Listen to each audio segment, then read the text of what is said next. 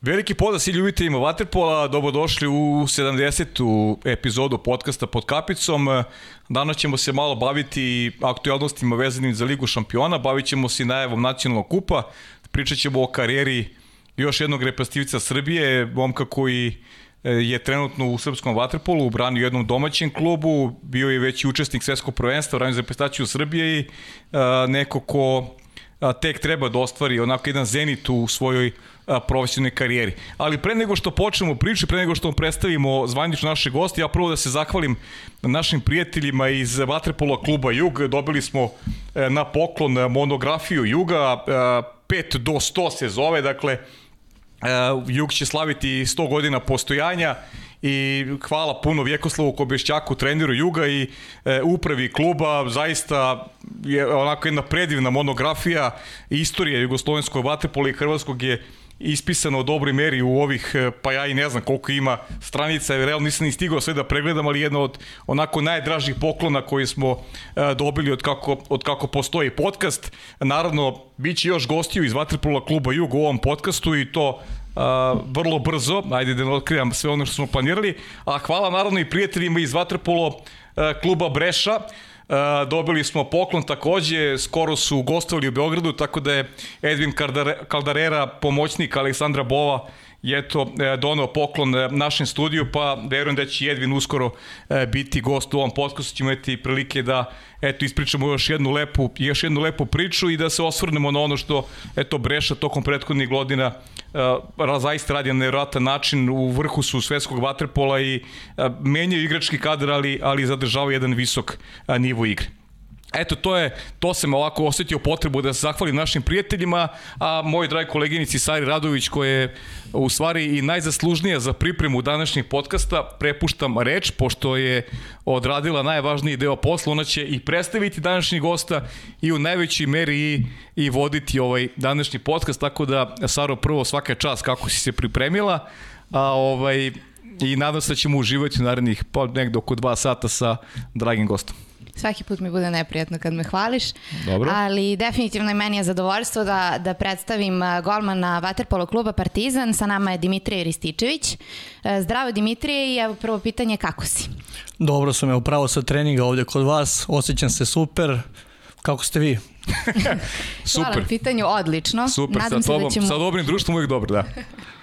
Nadam se da ćemo uživati u, u ovom pa dvočasovnom razgovoru. Uh, hoćemo prvo da pređemo na aktualnosti Lige šampiona. Pa može, ćemo... može, može, može. Uh, naravno, kao i uvek pričamo o klubovima, o našim klubovima koji, eto, sad već šesto kola se završilo.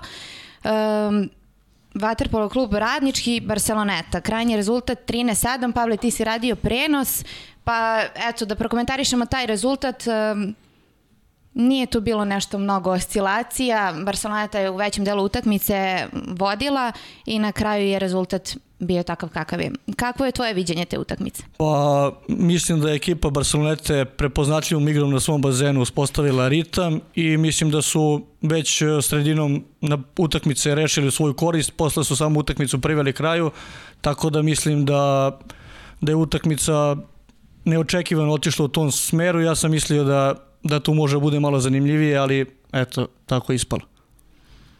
Pa da, radnički negdje još u prvoj fazi, tamo negde prvo polovreme je imao veliki deficit, onda je isključenje Miloša Ćuka, u drugoj... Ukropina tri lične. Ukropina tri lične. I nisu imali snage da tako je, ovi da. su priveli utakmicu kraju, da. Da, Barceloneta i bez Monariza, ali pokazali su da ove godine možda nisu sad u, nekoj velikoj formi, ali mogu svako da se bori za, za titulu prvaka Evrope. Pa sigurno su među najboljim ekipama Evrope, sigurno. Da.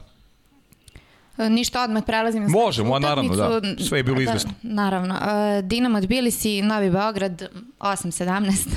Pa mislim šta reći o toj utakmici Novi Beograd je to rutinski odradio, to je ekipa, svi znamo kako kvaliteta i bez uh, Duška i Gojka su se, da kažemo, prošetali Gruzijom, tako da očekivano. Mm. I za kraj imamo Crvena zvezda STAU-a. Uh, iskreno za mene je možda ovo iznenađujući uh, rezultat. Eto u prvoj polovini oni su uspeli da, da imaju taj neki izjednačeni rezultat, međutim od treće četvrtine mislim da je čak uh, STAU u jednom trenutku bila i plus četiri. Jest. Uh, Crvena zvezda je imala nekoliko šansi da, da izjednači rezultat, međutim to nije iskoristila. E, tako da rezultat je takav kakav je, možda iznenađujući. Po meni najveće iznenađenje kola, sigurno očekivao sam tu pobedu Crvene zvezde, gledao sam dosta utakmica ove godine u Ligi šampiona Stevo i mislio sam da da neće moći da, da, da pariraju, ali očigledno da je umor e, put, možda i izostanak e, Vukićevića, njihovog kapitena i centra, bio veliki hendikep e, za ekipu Crvene zvezde i nisu se najbolje snašli i doživjeli su taj poraz. Neočekivano, iskreno. Dimitri, ajde neko, neka, neka generalna ocena onoga što si video do sada. Šta je možda na tebe ostao najveći utisak kada pričamo o ovih šest kola, sad je jedna pauza 20 dana, ili ima nešto što, što ti iznenadilo prijatno, negativno, kako, kako, kako ovaj gledaš na ta dosadašnji učinak? Pa iskreno najviše mi se sviđa ekipa Breše kako, uh mhm. -huh. kako izgleda. Oni su mi najveće iznenađenje i stvarno je zadovoljstvo da ih gledam uh, kako igraju momci i kako se bore. Mislim da nekako najveću želju i borbu i nekako su mi najveća ekipa, tim mi pokazuju do, do sada. Tako da mi se najviše sviđa ekipa Breše. Što se naših ekipa uh, tiče, Uh, eto Crvena zvezda je možda mogla da zabeleži koji bod više, uh -huh. jer je ona u, u, lakšoj, u lakšoj grupi nego, nego Radnički i Novi Beograd. Ekipa Radničko je imala neke dobre utakmice, možda je, nisu igrali Ligu šampiona dugo pa im malo iskustva fali da, da imaju možda malo bolje rezultate. Na primjer da se vrate kao protiv Ferec Varoša ili Tola, od njih očekujem bolje, bolje rezultate u, u drugom delu. Uh -huh. Ekipa Novog Beograda, oni su već na na finalnom turniru, jer su domaćini. E, od ovih jačih utakmica odigrali su ove nerešeno, neke su izgubili, tako da isto oni su ekipa napravljena da osvoji Ligu šampiona. Tako mm. da morat će malo više da pokažu ali vjerojatno njima treba vremena da se uigraju, da se sklope kockice, ali imaju velike šanse igraju na svom bazenu da, da i budu šampioni Evrope. Uh -huh. Ajde pre nego što nego što prepustim mikrofon ovaj Sari kao što sam i rekao da se osvrne na, na, na ono što nas čeka do kraja godine. Svakako najvažniji E, turnir u Srbiji je taj završni u, u, u kupu e, Partizan e, za koji ti igraš protiv Novog Beograda u polufinalu, drugo polufinale Radnički Crvena zvezda, termini su 27. i 28. Došao si sa treninga, na banjici ste, na banjici ste trenirali, pa kaži mi kakva je situacija u igračkom kadru, mnogi navijači Partizana su mi postavili pitanje kakva je situacija sa novim igračima, da li imaju pravo igranja Vavić i Lovre, da li ste kompletni, ove godine ste od Novog Beograda izgubili ubedljivo na Banjici u prvenstvu, jedini poraz Partizana u prvenstvu, ali u regionalnoj ligi mnogo bolje utakmice za Partizan, poraz 12-9, i jedna tvoja sjajna utakmica, gledao sam je tako da mogu to da kažem, uh, sjajno si vreme na tom meču, ali jednostavno Novi Beograd zaista ima onako objektivni kvalitet uh, u odnosu na sve klubove u Srbiji i svako je favorit u tom duelu. Pre svega hvala na pohvalama. Uh, pa što se tiče Banjica i igračkog kadra, mi smo se sad vratili na Banjicu, imali smo problema sa hladnom vodom, pa nismo desetak dana trenirali e, na našem bazenu. E, što se tiče prava igranja, e, Vavić koji je došao iz Amerike, on može da igra, -huh. a mhm. Lovre, hrvatski reprezentativac, neće biti u mogućnosti da nam pomogne u ponedeljak u bazenu. Što se same utakmice tiče s Novim Beogradom, odigrali smo već dve utakmice, na, bani, na Banjici su nas kako da kažem to narodski, deklasirali su nas bukvalno 25, jedan od mojih najtežih poraza u, mm -hmm. u Partizanu, ali mislim da to nije realan odnos snaga. Mislim, jesu oni dosta kvalitetni, ali ne baš tolikom razlikom. Što smo i pokazali u drugoj utakmici u regionalnoj ligi, gde je rezultat bio 12-9, gde smo se borili, mogli smo i mi bolje, mogli su i oni bolje, ali mislim da, da je to neki realni rezultat nego, -hmm. nego ovaj prvi. Što se tiče kup utakmice, U ponedeljak e, spremamo se za to. Svi igrači su nam zdravi i na raspolaganju u treneru Koroli. Tako da da mislim da Novi Beograd je svakako veliki favorit. Mi treba da odigramo uh, izvrstan meč od prvog do poslednjeg uz veliku borbu, htenje i želju, a njih malo da ne krene da bi, da bi imali, da bi imali šanse tu da pobedimo, ali ovo je sport, tako da sve je moguće. Mi idemo na pobedu, naravno. Mhm. Partizan uvek ide na pobedu, nebitno ko je sa druge strane bazena. Kako je, kako je braniti protiv Mande, Vlahopulusa, Strahinje Rašovića? Prosto ne znaš gde, gde da gledaš, na koju stranu da gledaš. Pa jeste, stvarno kad se tako postavi njihova postavka, pogotovo na igraču više da na jednu stativu stane Jakša, na drugu Duško Pjetlović, mhm. -huh. gde kad stanu Viktor, Manda, Straja, Vlahopoulos, ne, nebitno ko je Gogov ili da ne nabrajam sad sve igrače, da. neko će se, e, da se ne uvredi, da. stvarno ne znaš sa koje strane bije, ali mi ćemo se potruditi da znamo sva njihova oružja pa da, da, da ih preduhitrimo, ali stvarno izvrstan sastav. Teško mi je, teško mi je, ali poznajem sve te igrače i poznaju i oni mene, tako da to je malo i psihološka igra. A šta misliš ovo drugu utakmicu Radnički Crvena zvezda? Kako to, kako, kako nju vidiš? Uh, pa pre ovog kola Lige šampiona sam mislio da, da će to da bude utakmica na, na, na go, uh mhm. -huh. ali sad uh, bih dao prednost uh, Radničkom. Mislim što ne mora ništa da znači, na jednu utakmicu svako može da odigra i da pobedi, što se desilo i prošle godine kad ih je Zvezda iznenadila u finalu, u, u finalu gde su svi mislili da, da će Radnički posle pobede Novim Beogradom da osvoji, tako da ne treba nikoga otpisivati, ali bih prednost dao uh, radničko. Uh mhm. -huh. Ok, Saro, imaš reč? Ništa, to je to, završavamo sa ovim segmentom da. emisije da. i prelazimo na, na tvoju karijeru, ali pre nego što krenem na sam Waterpolo, uh, voliš da istakneš odakle dolaziš. Uh, s obzirom da dolaziš iz Republike Srpske, do četvrte godine si živeo tamo, ako se ne varam. Tako je. Kako se sećaš uh, detinstva? Pa to su bile neke ratne godine tada u, u Republici Srpskoj, ali meni je detinstvo bilo prelepo i, i, i bezbrižno. E, živeo sam u Višegradu, to je prelep grad, nadam se da ste bili, ako niste treba, treba da odete. Stvarno prelep grad. E, ljudi su srdačni i, i dan danas kad god imam slobodnog vremena volim da, da odem tamo. Detinstvo pamtim po, po druženju, po ko sva deca trčanju po, po livadama, slobodi, jer e, nema, nema čega tamo da se, da se plaše kao ovo Beograd, pa sad ne znam, stvarno jedno bezbriž, bezbrižno i lepo uh, detinstvo. E, sa četiri godine se seliš u Beograd, sa osam godina počinješ da treniraš vaterpolo, uh, vaterpolo klub Tent iz Obrenovca. Da, selim se u Obrenovac, o, Tent iz Obrenovca, da, u Obrenovac. Da, i kako se sećaš svog prvog susreta sa bazenom? Pa, uh, ja sam krenuo na bazen kao i sva deca, roditelji mi poslali da dete nauči da, da pliva. I vrlo brzo, posle par uh, treninga i, i druženja, pre svega što sam zavoleo, to je sam zavoleo drugare sa, sa treninga, sam baš ono druželjubiv sam i i volim uh, druženje i to sve. Tako da onda sam vremenom zavoleo i vodu i bazen. Bazen u Obrenovcu je savršen za za decu jer je uvek topla voda, čak i pretopla, tako da je uživanje tamo trenirati i baviti se sportom. E, čak u jednom trenutku i pao krovi na bazenima i onda su mi upisali da treniram basket, košarku. I trenirao sam uh, šest uh, meseci i onda sam se dvoumio šta da nastavim, da li košarku ili bazen, ali opet to neko uh, ti drugari koje sam imao na vaterpolu su presudili da, da to ipak bude vaterpolo i nisam pogrešio. Uh mhm. -huh. I onda su popravili krov i ti se vratio na bazen. Tako je, da. Dobro, da li si od prvog trenutka uh, bio golman ili si prvo počeo da, da igraš neke druge pozicije pa si kasnije formulisao svoju poziciju golmana? Odmah su me stavili na go. Uh, iz razloga zato što sam bio najmlađi i niko od ovih drugih nije teo da ide na go. I onda je trener, tada trener je bio Ranko Malić i tako sam završio na golu počeo i to sam i zavoleo. Uh, mada ne mogu da kažem uh, da, mi, da ne bi volao da budem igrač, pošto volim dosta da šutiram, mi golmani na trenizima dosta vremena provodimo i šutirajući jedni drugima. To nam je jedan uh, vid uh, zagrevanja. Tako da, da, da, odmah sam, odmah sam stao na gol.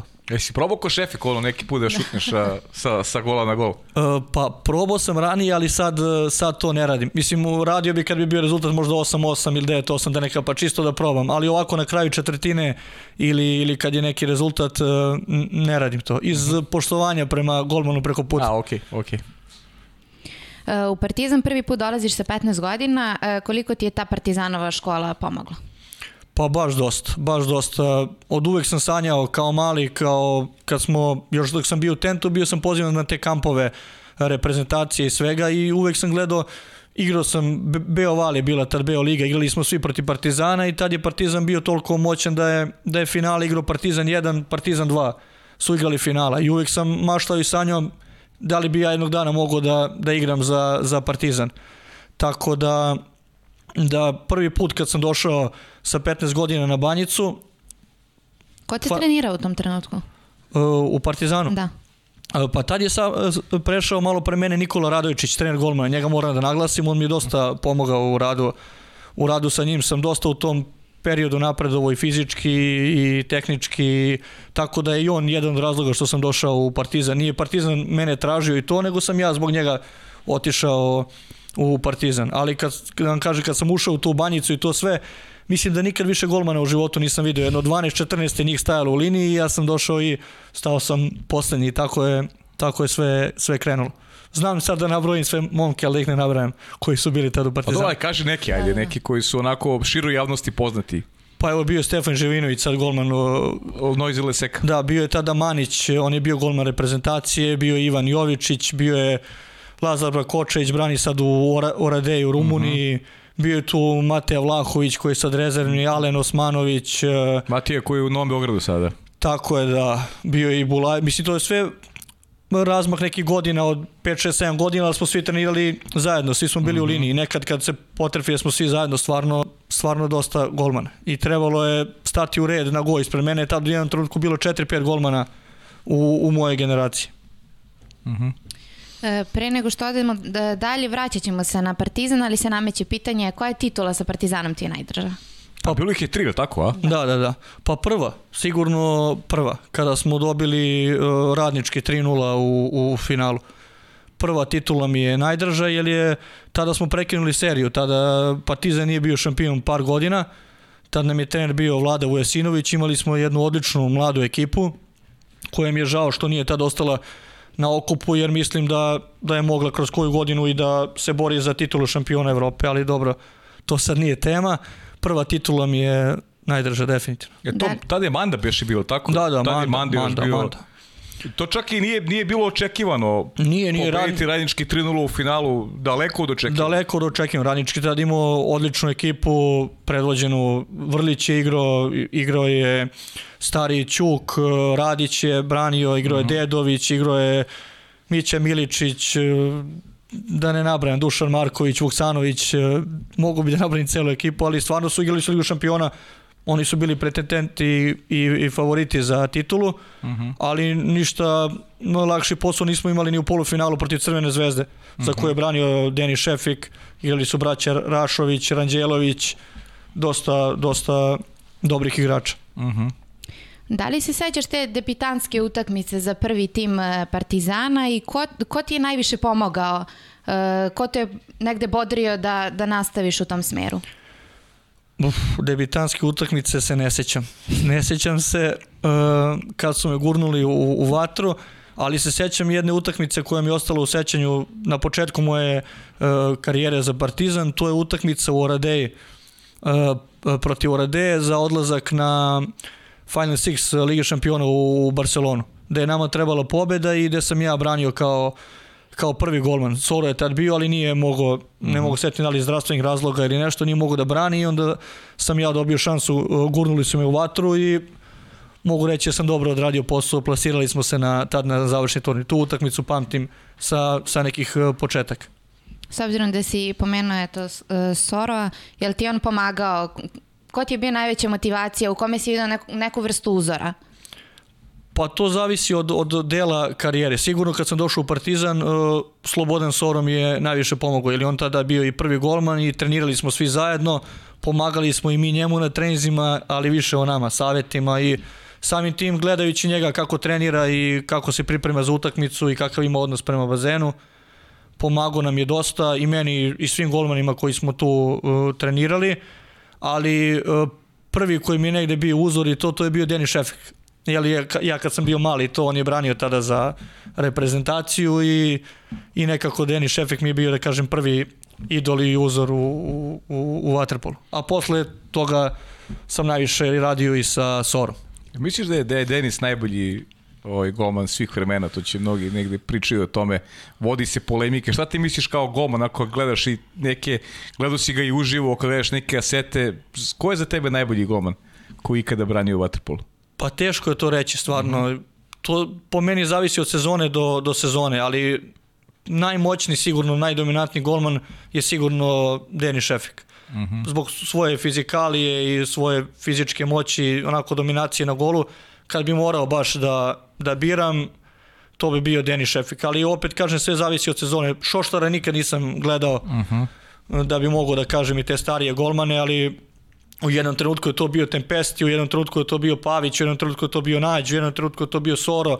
Evo, prošle sezone po meni Bane Mitrović na olimpijadi je branio vrhunski, tako da ne, mogu, ne bi mogao baš da kažem, ali kad bi morao jednog da izaberem da za moju ekipu bi branio Denis Šefik. Denis Šefik, okej. Okay. E, sad ćemo malo da, da izađemo iz, uh, sa granica Srbije i selimo se u Francusku. 2016. godine si otišao u Francusku, Marsej. Kako se, kakve iskustva nosiš iz Francuske? Priča nam i o životu u Francuskoj i o Waterpolu. Uh, to i nije bilo tako davno. Nije, nije bilo tako davno. Uh, to mi je bilo prvo inostranstvo. Uh, što se tiče života u, u Francuskoj, uh, Znate kako, ja sam tamo otišao, nekako sam imao uh, dosta više očekivanja o, gledao sam Marse kao grad uh, i to sve, ali više mi se ipak sviđa nekako život u Beogradu. Jeste Marsej lep grad i, i to sve, ali tamo živi uh, 70% populacije su, da kako da kažem, uh, Arapi i to, tako da nisam se tamo pronašao baš uh, baš najbolje. Nije mi, nije mi ta promena prijela, s tim što tad ni, ni Waterpolo u Francuskoj nije bio na ovom nivou kao što je i sada. E, došao sam u jednu ekipu gde smo kasno počeli pripreme i, i nekako mi to sve djelovalo posle Partizana malo na, na, na nižem nivou i, i niti ja nisam bio u glavi pripremljen za, za tako nešto. Trenizi su bili totalno drugačiji, plivački, jedna staza, nisam, nisam bio baš u glavi spreman za, za to inostranstvo. Što se tiče Marseja kao kluba, to je vrhunski klub, ljudi su u klubu koji rade, su posvećeni, vole vaterpolo, bazen je prelep, možda najlepši bazen na kom sam bio u, do sada gde sam igrao vaterpolo. E, što se tiče mojih utakmica tamo, mislim da sam dobro branio. Ja sam se tamo zadržao do polusezone, posle sam se vratio u, u Partizan. Uh, Marse je posle toga se uzdigao i sad je jedan od najboljih klubova u Evropi sa, sa vrhunskim igračima, tako da to je jedno bilo iskustvo za mene, jedno inostranstvo gde sam video šta se traži od profesionalnog igrača inostranstvu, kako treba da se ponašaš. Uh, ja, opet ponavljam, nisam baš bio spreman tada za tako nešto. Sad kad vratim uh, film i to mogu reći da sam i pravio tu neke greške, ali iz druge strane su se neke uh, kako kažem, greške desile prema meni sa druge strane. Uh mhm. -huh. Ali kad bi vratio vreme opet bih opet bih uh, da kažem otišao, otišao tamo. Mhm. A kakva je ekipa bila? Ko je, ko je u to vreme? I bilo nekog iz ovog današnjeg sastava Marseja u to vreme kada ste Bili su, da, bili su, bili su braća Vernu. O, braća Vernu, aha. Da, ali su oni tada imali 14-15 godina, da, o, pa su igrali... Ovi što je sada Babaroga, ovaj tako, mali centar. On je mi tada igrao prvog, prvog centra. Tada je bio prvi centar da, sa 14 da, da. godina. Jer ovaj, Kamarasa je te sezone uh, imao operaciju Kuka ili tako, pa uh mhm. -huh. To je njihov francuski reprezentativac. Bikari je dolazio tek u februaru, što igra sad u Breši, zbog, Breši, uh, -huh. zbog studija u Kanadi. Bili su sa mnom tu Dule Marković, e, Miroslav Ranđić, Aha, Igor Dule, Kovačević Dule koji sad igra. Igor, uh -huh. Da. E, koga bi tu mogu još da kažem, igro je Guillaume Dino, što je bio u Kragujevcu. Guillaume pa, Dino, da, da. Da, i možda još jedan ovaj bek. Ali je, kako da vam kažem, opet je bila dosta turbulenta sezona, na primer, uh, uh, on je sportski direktor kluba Fred Odon, on je bio završio karijeru 4-5 godina pre toga ali mora da se vrati u bazen da igra jer nismo imali dovoljno igrača. A, znači to je baš bilo drugačije u odnosu na ovaj period sad. Totalno, totalno nije klub bio na, na istom nivou. Mislim, oni su imali te temelje i plan i to sve, ali te sezone stvarno nije, nije baš funkcionisalo sve uh mhm. -huh. kako treba u, u, u početku. Kad uh -huh. sam mhm. ja bio tih šest meseci, trener mi je bio Paolo Malara, italijan, Uh, to je možda jedini trener do sada u mojoj karijeri sa kojim nisam imao neki, da kažem, odnos. Aha. Nismo se našli, a? Pa jesmo u početku, ali posle, posle nismo, ne znam iz kog razloga, to, to, bi, to bi morali njega da pitam. Da, pa mi ne moramo ga pitamo, ali Tako. ovaj... Ali to je, eto, to je onako o Marseju najiskrenije. Da, a kaži mi, pratiš sada, vidim da je, da je Šćepa postavio tamo baš zdrave temelje. Pratim, pratim, Šćepa da, je, da. Šćepa je sjajan tip, sjajan trener. Andrija Prlivić koji igra, igra fantastičnu ekipa koja ove godine Pa jedno, eto, uz Brešu možda i najprijatnije iznenađenje Lige šampiona. Jeste, imaju, oni su i slabije grupi, što mislim da im i odgovara uh -huh. i Mhm. mislim da na završnom turniru mogu da, da odigraju sa, sa svakim. Imaju dosta reprezentativaca, što francuskih, što uh, reprezentativaca Crne Gore, imaju na golu, golu Deja, Deja Lazovića koji brani uh -huh. fenomenalno, imaju Čučkovića, imaju reprezentativca Hrvatske uh, isto u sastavu Vuki, uh, Vuk, Vukićević. Vukićevića, tako da Spajića, Prleta, suvišno je uz francuske reprezentativce, suvišno je trošiti reč o sad kako je kakva su ekipa, pogotovo što je sad Šćepa trener koji ih je postavio fenomenalno, fizički su spremni, tako da niko se sa njima neće naigrati. Uh -huh. Aj pričajte posle nešto vezano za vezano za Šćepu, pošto je Šćepa bio ovaj golman. Ajde još malo da nam daš te neke ovaj kakav je ono ne znam kako ti prio život sam po sebi. Pričao si o tome da bio sam u Marselju, znam da je onako, što se kaže, mešano stanovništvo ima u Marseji, baš onako specifičan grad, ima, ima svega i svačega, što se kaže, ali kako ti je lego taj život u Francusku i da malo otkriješ, bio i Ćira, ovaj gost prošle nedelje, gde je onako najveća baza, ta vaterpolo baza, odakle oni crpe najveće talente i šta ti misliš na osnovu nekog tvog iskustva, koliko Francuska može da napreduje realno u vaterpolu i da eto, postane možda neki onako značajniji faktor nego što je to trenutno? Može sigurno dosta. Od tada, od kad sam ja bio do sad su, već se vidi veliki napredak, zato što imaju dosta više klubova koji su doveli igrače koji su podigli lesvicu vaterpola i sad je francuski šampionat jedan od boljih u, u Evropi. Uh -huh. Uz Italiju, Španiju, nas, Mađare, mislim da su da je najbolji šampionat. Crpe bazu, pa mislim da ima dosta klubova koji, koji super rade, ima i, i taj mislim due, sete, koji su te manje ekipe koji isto proizvode e, dobre igrače koji posle uzme e, Noazi, Strasbourg ili, -huh. ili Marseille, tako da imaju veliku, veliku bazu igrača očekujem da, da će u Parizu biti nezgodan na olimpijskim igrama mm -hmm. kao domaćin će biti nezgodan, nezgodan protivnik i ako nastave ovako da ulažu i da, da rade, sigurno u narednom periodu očekujem da, da, da postanu ravnopar, ravnopravan rival sa, sa, sa reprezentacijama, da kažem, da budu u top, top 8. Mm -hmm. Uh, ja ću zamoliti sad Vanju da, da presečemo ovu temu sa, sa jednom fotografijom, a onda odmah zatim i video pitanja ako možemo da vidimo. Evo je slika. A ovo i, ši, i šivenik. I može odmah. Pozdrav svima u studiju, Dime, prijatelj moj. E, jednom si dobio priliku da se okušaš i kao igrač na treningu i tom prilikom si došao baš na mene. Pa ako možeš da nam kažeš kako se to završilo, to tvoje kratko igračko iskustvo. Pozdrav. Iznenadi me pitanje, mislio sam da će biti nešto drugo. Ve, veliki pozdrav za mog cimera. A pesma je li te iznenadila ili? Nisam čuo, je bila neka pesma. Ja isto nisam čuo. Nisam, nisam čuo. Isto nisam čuo ni ja. Možda da, da slušalice ne rade ove moje. Moguće da, da. Vidiš što je Vanja, Možda nešto ćemo Vanja, posle imati prilike još da čujem. dobro. Aha, aha, dobro.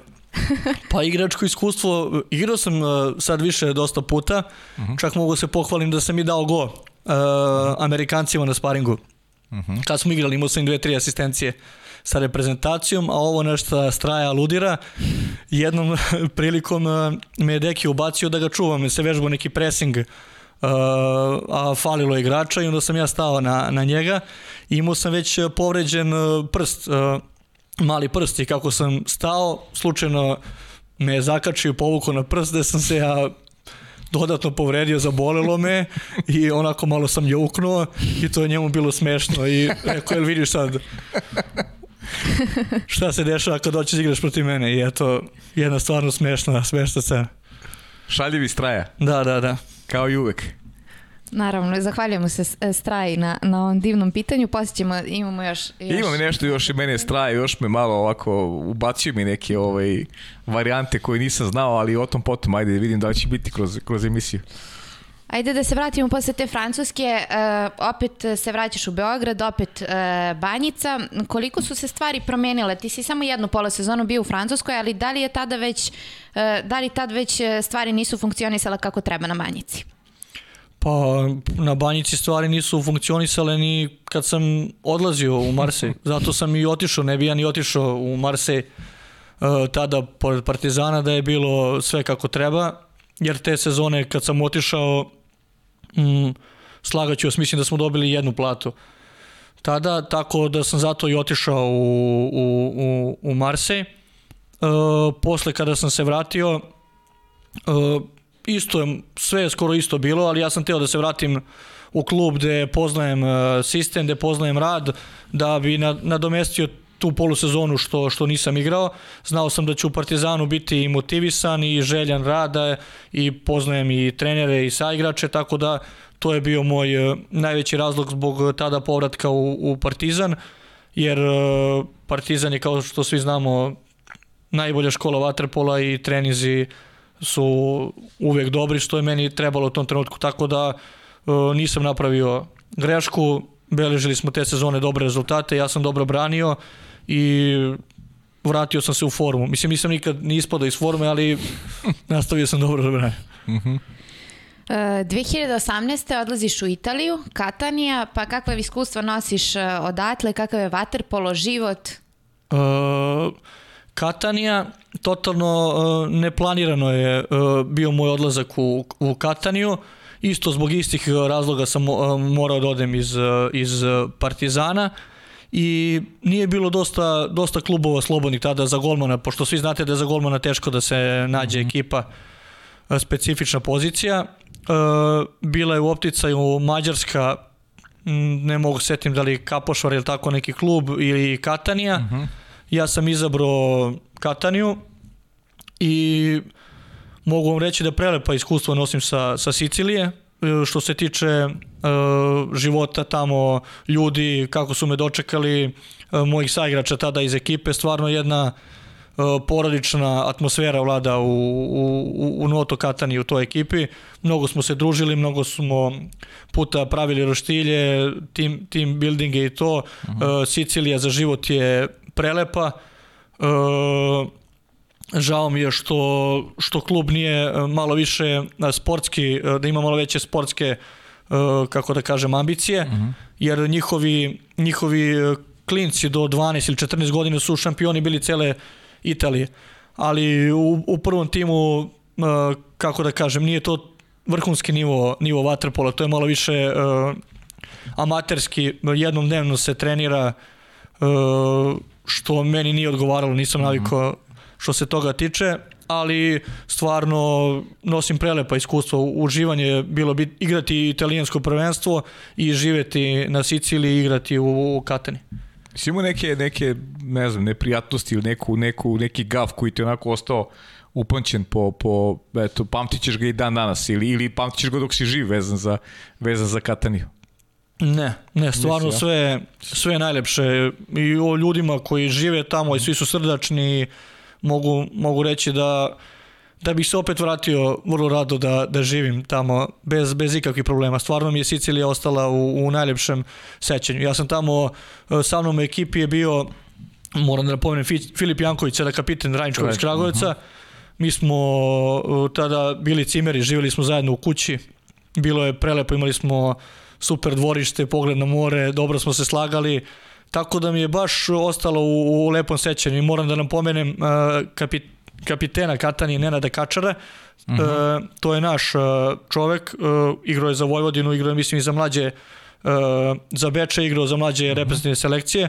On tamo igra već 10 godina, kapiten je. On nam je dosta, dosta baš pomogao. Uh, i ovom prilikom bi mu se zahvalio, pozdravio ga puno, njega i njegovu porodicu, super uh, momak i sportista, tako da nam je on olakšao dodatno boravak uh, na Siciliji. Uh -huh. A kako oni, kako oni reaguju kad im pričate da, da ste trenirali i dva puta, nekad i tri puta dnevno, da je popuno drugačiji onako sistem funkcionisanja u, u, iz, kog, iz kog vi dolazite e, ili im to negde neobično ili ili ovaj ili im se negde rađe eto ideje njima u glavi da da im možda mogu da promene malo drugačiji da imaju drugačiji pristup celoj priči. Meni se Ciljanici onako deluju poprilično opušteno i ovo što to što ti meni kažeš nekom ide uz negde uz njihovu narav, uz, uz, uz neki karakter e, kada kada pričamo o, o sportu i o životu generalno. Pa ne, ne bih se složio da, da im proradi to nešto za treningom. Ne, ne, a, ne. ne a. Uvek su umorni, ako trener utorak da dva treninga, to je već e, veće kolutanje očima, već su nezadovoljni. Četvrtkom smo uvek sparingovali sa tom ekipom iz druge lige Murijentiki. i onda njih kad pobedimo jedno desetak razlike, onda svi budu srećni i kao spremni smo, a u stvari je bilo daleko od toga, ali nisu, nisu nešto voljni za, za dodatnim radom i, i, i treningom, tako da to je nešto što im možda ne da malo da, da idu u, u, u napred. Uh Mhm. -huh. Ali ovaj, talentovani su, mogu da kažem da su talentovani za, za sport i, i za, i za vaterpolo. Uh -huh. E, ne znam da li si video, opet ću malo napravim digresiju, da li si video da je futbolski klub Katanija da više ne postoji, da je, da je Bokfuno klub je otišao u steče, ugašen je, ne postoji više, ili si išao nekad, eto u to vreme su funkcionisali, Da, da, si gledao nekad, nekad utakmice. Katanije, oni su, oni su igrali prvu ligu, igrali su seriju A, to je jedan ovako klub koji je bio vrlo simpatičan, ali eto, vreme, vreme je takvo da jednostavno nisu izdržali e, sve ovo što se dešava u tom nekom, da kažem, modernom svetu, e, ispali su iz, iz nekog, nekog šablona i zahvaljujući dugovima su prosto ugašeni. Pa uh, tada su još bili aktivni, uh Mhm. -huh. da li su igrali treću ili četvrtu ligu, ali pratio sam baš uh, zato što jedan uh, iz ekipe išao je na utakmice pa nam poka pokazivao uh, klipove i snimke i to i Sicilijanci su ono temperamentni ljudi i to Da, sve da. i bile su i pune tribine i, i tada za neke uh -huh. derbi mečeve i to. Tako da to je možda nešto slično i Palermo i Palermo isto Jeste. i oni su isto u nekim dugovima da li dalje postoje ili Jeste. ne. To je zato što je jug Siromašni, Jug je da. siromašniji od, od severa i to sve, ali mislim da oni rade neke malverzacije i to sve vole, vole time sigurno da se bave, tako da mislim da je, da je, i, to, da je i to jedan od, od problema. Mhm. E, branio si i na univerzijadi, tada je osvojeno z- zlato, pa kako se sećaš e, te univerzijade? Uh, m, ostala mi je u super sećanju. Sećam se da smo išli u, u dobrom sastavu, stvarno na Rezijadu smo išli, da kažemo, bez ovih uh, starih šampiona, ali ekipa koja je posle toga manje više igrala svetsko prvenstvo. Uh, bilo je odlično u Tajpeju, je bilo odlično bilo organizovano univerzijada, sećam se spektakularnog otvaranja, imao sam osjećaj u neku ruku kao da sam na olimpijadi, to je kao i, i to jeste i priprema neka za, za olimpijske igre, takmičari koji treba, bilo bi dobro da to prođu, jer je sličan sistem takmičenja. Sećam se da je bio takav sistem da smo dva puta igrali sa Mađarima. Uh, čudan žreb je bio. Uh -huh. Igrali smo i u grupi, a igrali smo posle i u četvrtfinalu, čini mi se, sa, sa Mađarima koji su bili jedni od uh, glavnih favorita pored nas. E, posle toga smo u polufinalu imali nešto lakši zadatak sa Francuzima, koji nismo baš nešto dobro e, obavili. Mislim, pobedili smo, ali igra nije bila na zadovoljavajućem nivou. I u finalu selekcija Rusije, koja je došla tada u najjačem sastavu, bez možda dva igrača, ali Sunova i Golmana, čini mi se, gde su svi očekivali jedan neizvestan e, meč, borbu do do kraja, ali mi smo stvarno se pripremili za tu utakmicu i ušli smo, ušli smo dobro u meč i mislim da smo utakmicu već na polovremenu rešili u našu korist. Na kraju smo ih pobedili sa, sa, neočekivano sa, sa velikom razlikom. Uh -huh. Možda bi bilo dobro da pomenemo ko je sve išao na tu univerzijadu. Pa da, generacija neka tvoja. Pa išli su znači, braća Rašović, Mandić, Sava Ranđelović, Vico, Đole Lazić, Filip Radojević, e, Dušan Vasić, mm, Ognjen Stojanović, Jakšić, ako sam nekog Da. da, Da, izostavio, ali ekipa odradila ono što je i trebalo da odradi, Da. to kvaliteta. Sad se vraćamo opet ti iz Italije, se vraćaš u Beograd, ali ovog puta ideš uh, u Novi Beograd. Mm, tako je. E, posle svetskog prvenstva to jest pre svetskog prvenstva sam dobio poziv, da. Mhm. sam dobio poziv e, od e, Vlade Vojasinovića sa kojim sam pre e, sarađivao u Partizanu. E, sam dobio poziv za, za Novi Beograd. Da li bi bio voljen da dođem. E, Tad oni nisu igrali ni Superligu Srbije. Da, da ako mogu da dođem u klub, objasnio mi je plan, projekat kluba, da to treba da izgleda kao što i danas izgleda uh -huh. uh, ovaj klub, da će se napadati Liga šampiona. Mene je to zainteresovalo, nisam opet teo da idem negde preko, znam da se kod vlade dobro radi, da ću biti tu u Srbiji, u Beogradu na oku i selektoru i da ću imati dobar, dobar rad. Uh, pristao sam, uh, proveo sam uh, dve sezone mada nas je pandemija ova, u prvoj sezoni nismo ni završili, ali smo bili prvi na tabeli pa smo ušli u Superligu Srbije, tako da odlučio sam se to pre svega zbog, zbog Vlade Vujasinovića, poznavajući njega, njegov rad e, i na, na njegov neki, da kažem, nagovor sam e, to i, i prihvatio. Uh -huh. A dobro, e, generalno i, i neki početak, da kažem, tog uspona srpskog klubskog vaterpola, realno. Pojava Novog Beograda koja je, koja je generalno dobra za sport, dobra za, za vaterpolo prilike u Srbiji, da postoji još jedan klub koji ulaže, koji, koji nudi igračima u krajnjem slučaju taj povratak in inostranstva, uh, možete živite u nekoj svojoj sredini, da, da trenirate, da, da, da, da napredujete i sami i pritom neka konkurencija koja je napravljena zdrava, jedna konkurencija koja je, koja je napravljena, pa kako tebi sad delo, eto taj uh, moment koliko si puta odlazio iz Partizana u nekoliko navrata, uvek neki finansijski problemi, morao si možda da biraš neke ponude koje u smislu rada i tvog napretka nisu bile dovoljno dobre, ali si jednostavno morao da živiš od nečega i to je, to je život profesionalca, prosto morate da razmišljate i o sebi i o svojim porodicama. Kako ti iz tog ugla, uh, ovaj, koliko ti je lako pao ili teško taj povratak, povratak u Beograd?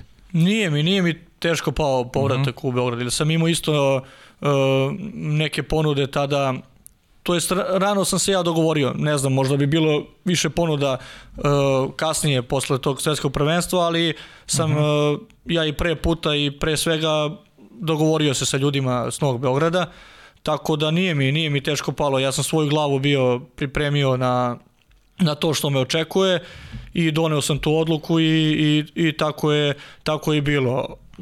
Stvarno Novi Beograd izrastao u ono što, što, što su i tada mi prezentovali, tako da e, veliki, velika stvar za ceo naš sport je ovo što Novi Beograd danas predstavlja, ne samo za Srbiju, nego za, za ceo svetski vaterpolo, jer i njihovom pojavom su i drugi klubovi, e, kako da kažem, dobili moti, neku motivaciju i neku želju i morali da se pojačavaju i da dovode igrače, tako da se hvala im na tome što su, da, kako kažem, otvorili tržište malo više za, za, za nas.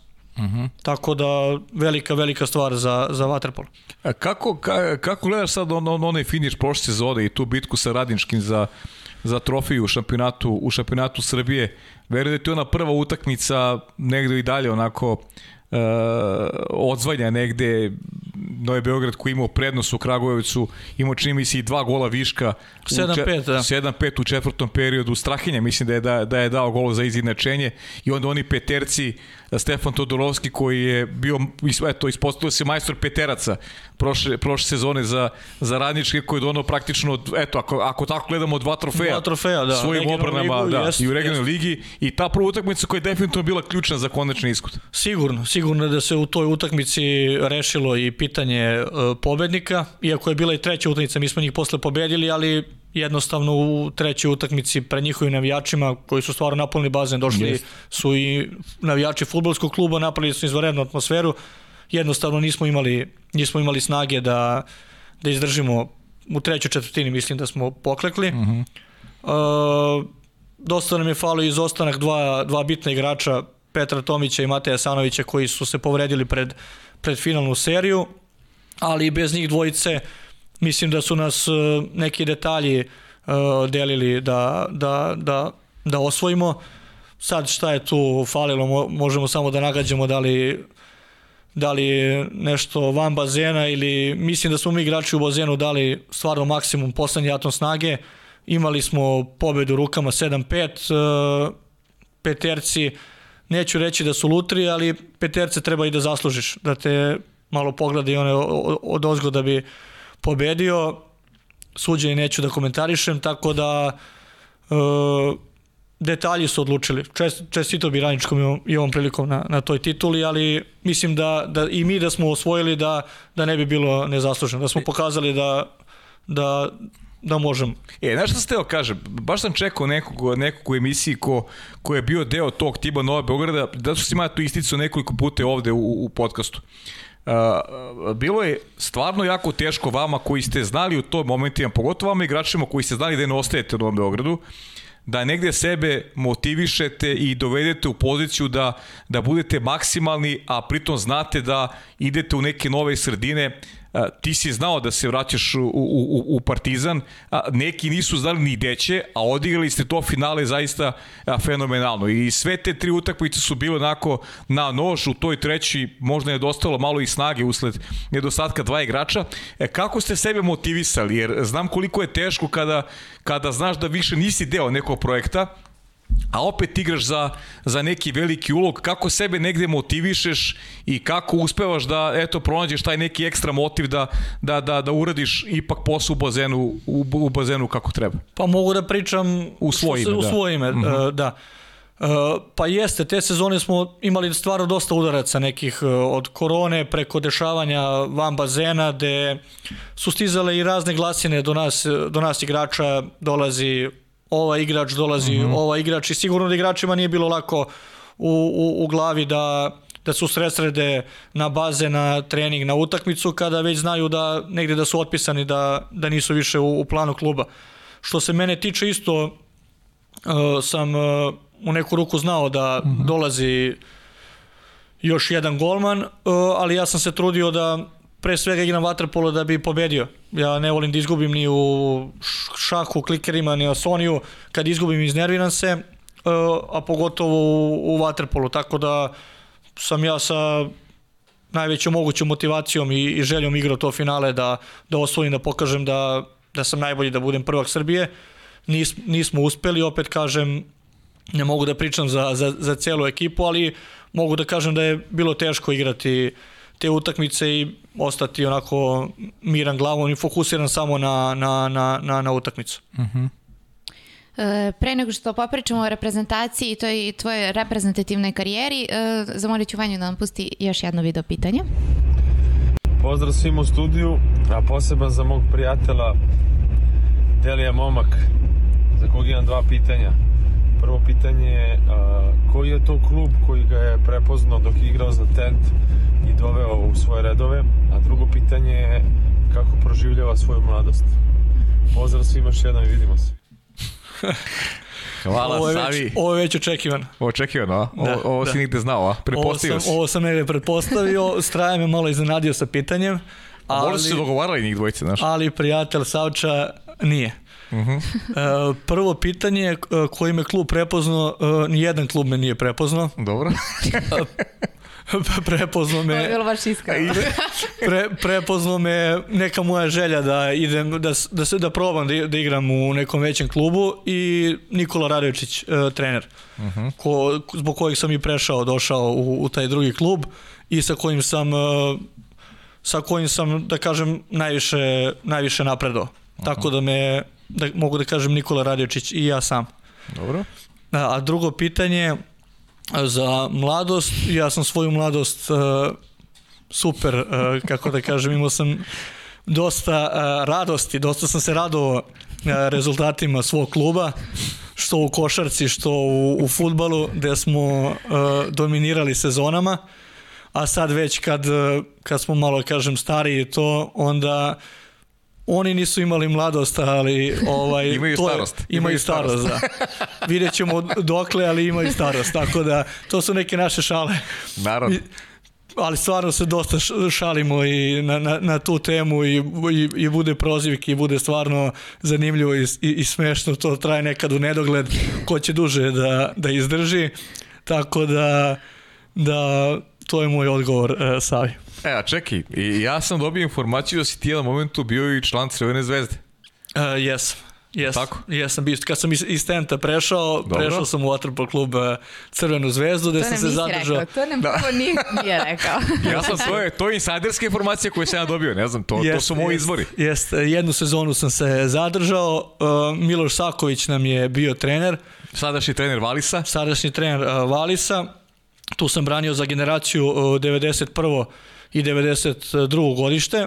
Uspeo da, sam, da se izborim i za godinu dana starije, što nije bilo tad lako. Uh -huh. e, mogu reći e, da da se i dan danas e, dosta družim sa, sa momcima iz Crvene zvezde. Kad god se sretnemo, e, ispričamo se, to je jedna luda ekipa bila stvarno. Za mene velika promena posle Tenta. gde sam bio onako malo i u čudu i, i dosta mi je velika, velika promena, promena za mene. Tako da veliki pozdrav za sve moje saigrače uh, iz uh, te generacije. A ko su bili ti saigrači? Ajde malo da ih, da, da, ih, da ih dotaknemo. Pa igro je Vuk Vujošević, Đole Bijelić, Čaki, uh, bio je Kojić, Mateja Maksimović, uh, sad da ne, da ne nabrajam, bilo je mhm. dosta stvarno lopušina, dosta njih momaka se ne bavi sad više vaterpolom, ali sam tu te godine sam, te, go, te godine sam stvarno uh, proveo dosta lepu sezonu sa, sa njima. Išli smo i na jedan turnir u Parizu, to mi je mhm. bilo prvi put da putujem negde tako sa ekipom, Aha. tako da mi je sve to bilo zanimljivo i veliki pozdrav za, za sve. Ja, kaži mi, si, si razmišljao nekad to često ovde ima i pitanja koje dobijaju ovaj, igrači, si razmišljao nekad o, u Americi, o, o studijama, da. to je bilo nekad opcija kod tebe? Pa u jednom trenutku mi se to pojavilo, uh, ta ideja kada je uh, tadašnji moj saigrač uh, iz Partizana, Aleksa Šapović, kad je otišao -huh. uh, u Ameriku kad je pričao pre toga o tome, ali Nisam... Mislim da će nam biti Aleksa gost jednom prilikom, tako da ćemo da delimo malo te, e, te američke priče. Da. Super, super. O, tako da sam u tom nekom momentu sam malo razmišljao, ali nekako nije, nije to u tom trenutku bilo za mene. Nisam, nisam se video uh -huh. uh, tamo u Americi. Čak se nisam video ni u Berlinu u jednom trenutku posle juniorskog svetskog prvenstva kad smo bili šampioni, sam dobio poziv od Špandova u, Ber, u Berlin da, uh mhm. -huh. da idem sa 19 godina.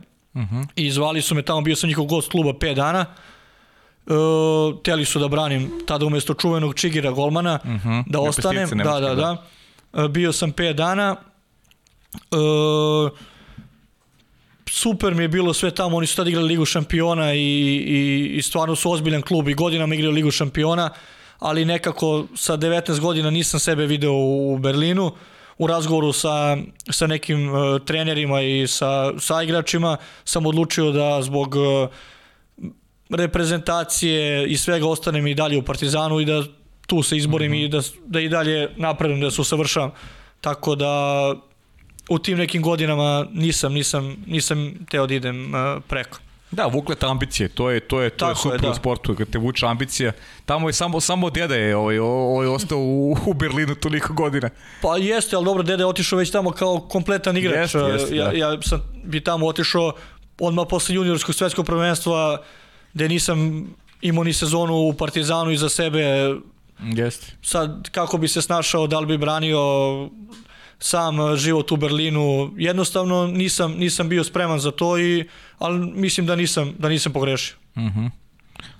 Hoćemo na reprezentaciju malo? Da, definitivno san svakog vaterpolista jeste da zaigra za reprezentaciju, pa kada i od koga dobiješ prvi poziv da, da Možemo za juniorsku, da, možemo da krenemo od te juniorske. Naravno. Za juniorsku reprezentaciju. Pa kao što sam rekao, kao mali smo imali te kampove, imali smo taj memorni turnir Darko Čukić, tu nisam prošao. Imali, e, nije bila nikad e, reprezentacija za moje godište 92. uvek je bila starija za 91. Bio je EOF i Evropsko prvenstvo u Beogradu, nisam ni tu dobio šansu, ispadao sam kao e, treći. Prvi put kada sam zaigrao na jednom takmičenju, to je bilo svetsko prvenstvo u Šibeniku, kao što smo videli sliku gde smo ja, ja i Straja. Tada nas je vodio Nenad Vasilovski, čuveni kole, E, zauzeli smo treće mesto, izgubili smo od e, reprezentacije Grčke jedan razlike u polufinalu, teško mi je palo taj poraz baš, e, imao sam veliku motivaciju, želju, bio sam uzbuđen što ću braniti za našu reprezentaciju, ostvario sam neki svoj san koji sam sebi zacrtao. izgubili smo cijelu utakmicu, smo vodili i primimo go 20 sekundi do kraja i izgubimo, ali smo posle osvojili treće mesto, pobedili smo uh, za treće mesto. Uh, čekao sam posle opet priliku, sledeće svetsko prvenstvo bilo u Grčkoj u Volosu, uh mhm. -huh. gde smo postali svetski šampioni uh, na najlepši mogući način, jer smo se odužili Grcima pred njihovom publikom u polufinalu Grčka koja je imala izvaredan sastav sa Vlahopoulosom i dosta igrača koji su igrali za reprezentaciju. Posle smo u finalu pobedili Špance, Tad sam bio i proglašen za najbolji golmana turnira, tako da što se tiče juniorske reprezentacije, u, ostalo mi je sve u, u lepom sećanju, druženje, druženje. Tada nas je voz, vodio uh, Stanović, trener, sada... Dejan Stanović. De, da. Uh -huh. Tako da uh, jedno veoma lepo, lepo iskustvo i veliki napredak uh, za mene. Uh -huh. Što se tiče seniorske reprezentacije, prvi put sam dobio poziv, uh, čini mi se da je Udovičić bio selektor, uh, išao sam na pripreme na, na, na Zlatibor. Ne znam tačno koje godine je to bilo. Tada sam prvi put uh, dobio poziv uh, A, A reprezentacije. Prvi put sam išao na, na neke pripreme. E, kaži mi kako je taj osjećaj bio, ta, ta, taj odlazak na Zlatibor, ne znam, možda se postiš malo tih igrača, znači imaš prvi put priliku da treniraš s onim što je nek, neki krem uh, srpskog vaterpola, kakav je osjećaj, kako si prihvaćen, ono što mi, mi vidimo i sve strane, eto i čujemo i danas i u podcastu nakon svih ovih uh, epizoda koje smo snimili, da ovi stariji zaista imaju eto i taj šmek da znaju i da prihvate mlađe igrače da da to da je, i postoji jedan zaista sjajan balans kada govorimo o atmosferi iz te atmosfere se gradi nešto što je sada već i, i deo istorije kada pričamo o ovoj generaciji koji negdje i ti pripadaš s obzirom da si sa njima i trenirao koji su najbolji verovatno istorije ovog sporta. Sigurno, sigurno. E, pa znate kako, preovladava i trema i uzbuđenje i strah kako ćeš biti prihvaćen, kako ćeš se pokazati, uh, kako će to sve izgledati prvi put. Uh, iskreno bio sam malo i uplašen, ali pri prvom kontaktu sa svima njima video sam da su to sve super momci super su me svi prihvatili, tada još u ekipi bio uh, Vanja, Vanja je tad bio kapiten, uh -huh. počevši od njega prema do svih ostalih igrača, da ih ne nabrajam, to su sve šampioni i stvarno mogu reći da, da su me svi lepo prihvatili, odmah sam se uklopio i osjećao sam se kao da sam tu duže vreme i kao da tu pripadam. Uh -huh. U početku sam uh, radio sve ono što treba da se radi, bilo je tu dosta i šaljivih momenata gde oni nama mlađima postavljaju i neka pitanja i neke kvizove, ali to sve mora da se prođe, sve u, u roku službe, što bi se reklo. Uh mhm. -huh. Evo gledam uh, pitanje naše koleginice Aleksandre, pa se nadovezuje na temu o reprezentaciji. U meču sa Grčkom na svetskom prvenstvu stoji podatak da 22 minuta nije primio gol. Šta je presudno za takav uspeh i da li mu je to rekord ili je i duže uspevao da svoj gol drži začaran?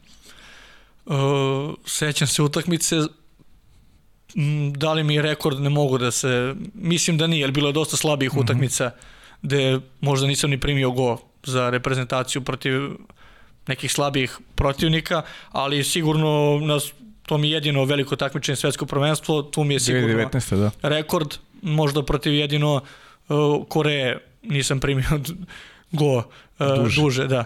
Uh, utakmicu tu pamtim uh, kao derbi za prvo mesto u, grupi protiv Grčke, uh, gde sam stvarno branio dobro, be, da ne budem sad mhm. -huh. lažno skroman i to, kako da kažem, imao sam svoj dan, branio sam stvarno dobro, ali ne možeš ni ti da braniš dobro ako nemaš uh, dobru odbranu ispred tebe, ispred sebe, tako da to je sigurno zasluga celog tima, ta jedna utakmica gde smo svi odigrali stvarno dobru odbranu, koja je meni, da kažem, išla na ruku, uh, i dobro sam čitao grčke šuteve, tako da to je to što imam da kažem. Da, ajde da, da samo da vratimo za one koji koji možda uh, ne prate redovno 2019. to je svetsko prvenstvo kad je Dejan Savić odlučio da odmori neki igrač, nisu išli ni Gojko ni Ban, nisu išli na to prvenstvo.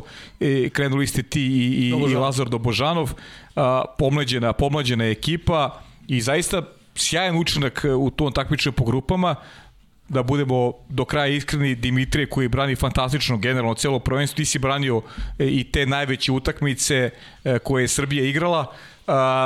to protiv Grčke, mi sad pričamo o Grcima koji su vice šampioni olimpijskih igara. Grčka koja je igrala u kompletnom sastavu, ta Srbija bez ovih asova koji se danas opraštaju je pobedila Grčku taj eto 22 minuta bez primljenog gola na tom meču i onda dolazi taj meč protiv Španije koja je igrala u najjačem sastavu, Španija koja je veliki rival Srbiji generalno posljednjih godina ja malo imam taj neki, neki e, malo možda drugačiji pogled e, kada govorimo o tim utakmicama sa Španijom, mislim da, da Španija nikad nije nadigrala Srbiju, ovo je bilo, su bile specifične okolnosti ovo svjetsko prvenstvo gde je ekipa prvi put igra zajedno. Kako si ti doživao, da li si posle tog takmičnog grupama, što je možda vama bilo i neka medveđa usluga, gde ste prošli kao prvi kroz grupu, idete na Španiju koja je dobro izbalansirana ekipa, iskusna ekipa i možda ste malo izgoreli u želji. Kako Kako si ti doživeo celu tu priču? Pa sad kad vratim film i dosta sam razmišljao o, o tome svemu, uh, Španija je reprezentacija koja je tada bila u velikom naletu. Mislim da su igrali na tri velika takmičenja, tri finala, da se niko protiv njih nije naigrao. Posle toga, posle kad su nas dobili, su Hrvatsku isto tako lagano pobedili u, u, u polufinalu. Tako da tada su bili stvarno u naletu i mislim da nam je zapala najteža reprezentacija moguća.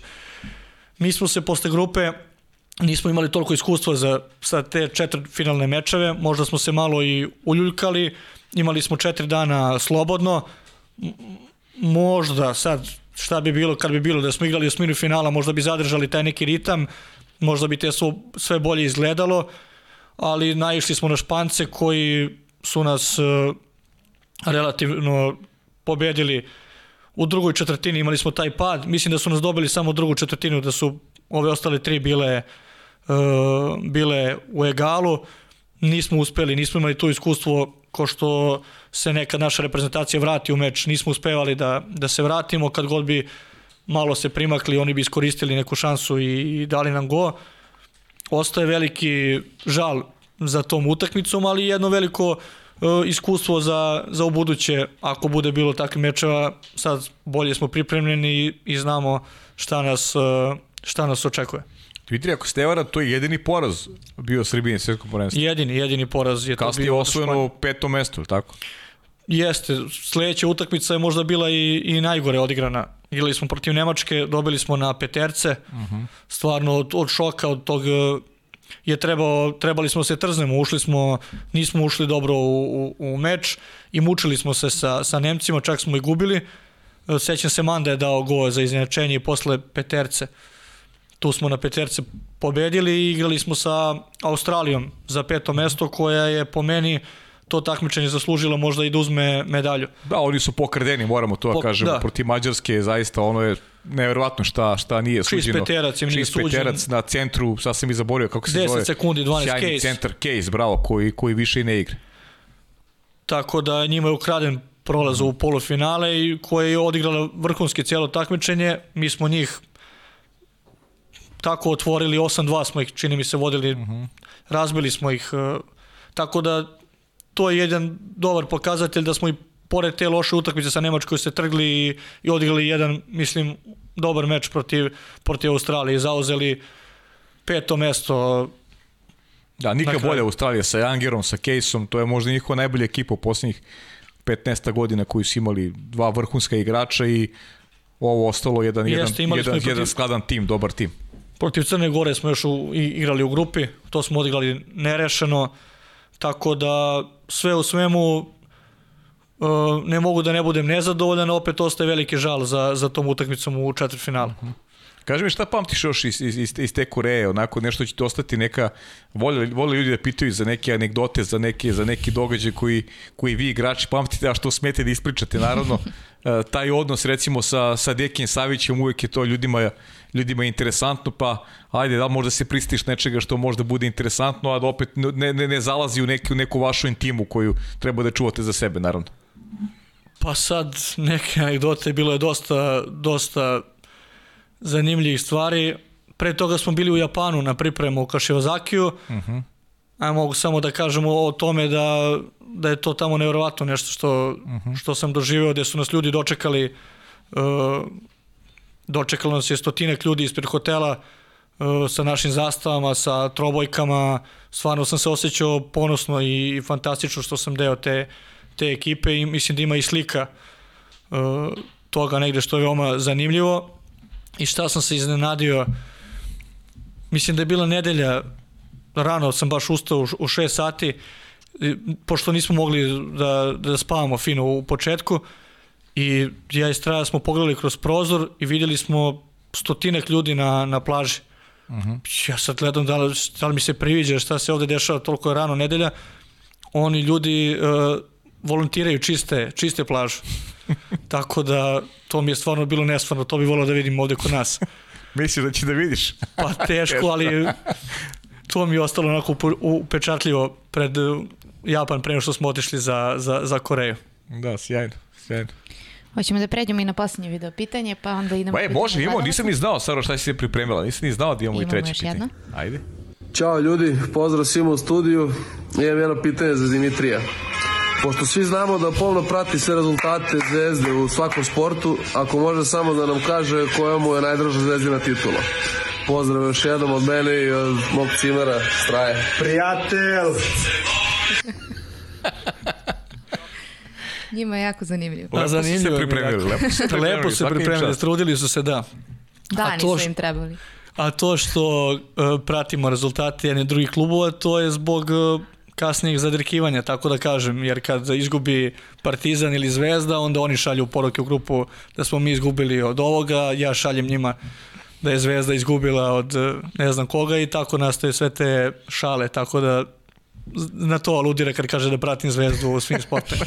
A ako moram da kažem najdržu zvezdinu titulu, to neka bude onda u Waterpolu, kad su pobedili Juga na, na Banjici. A, Eto. Da, 2013. To je prvi put da, da sam navio za Crvenu zvezdu.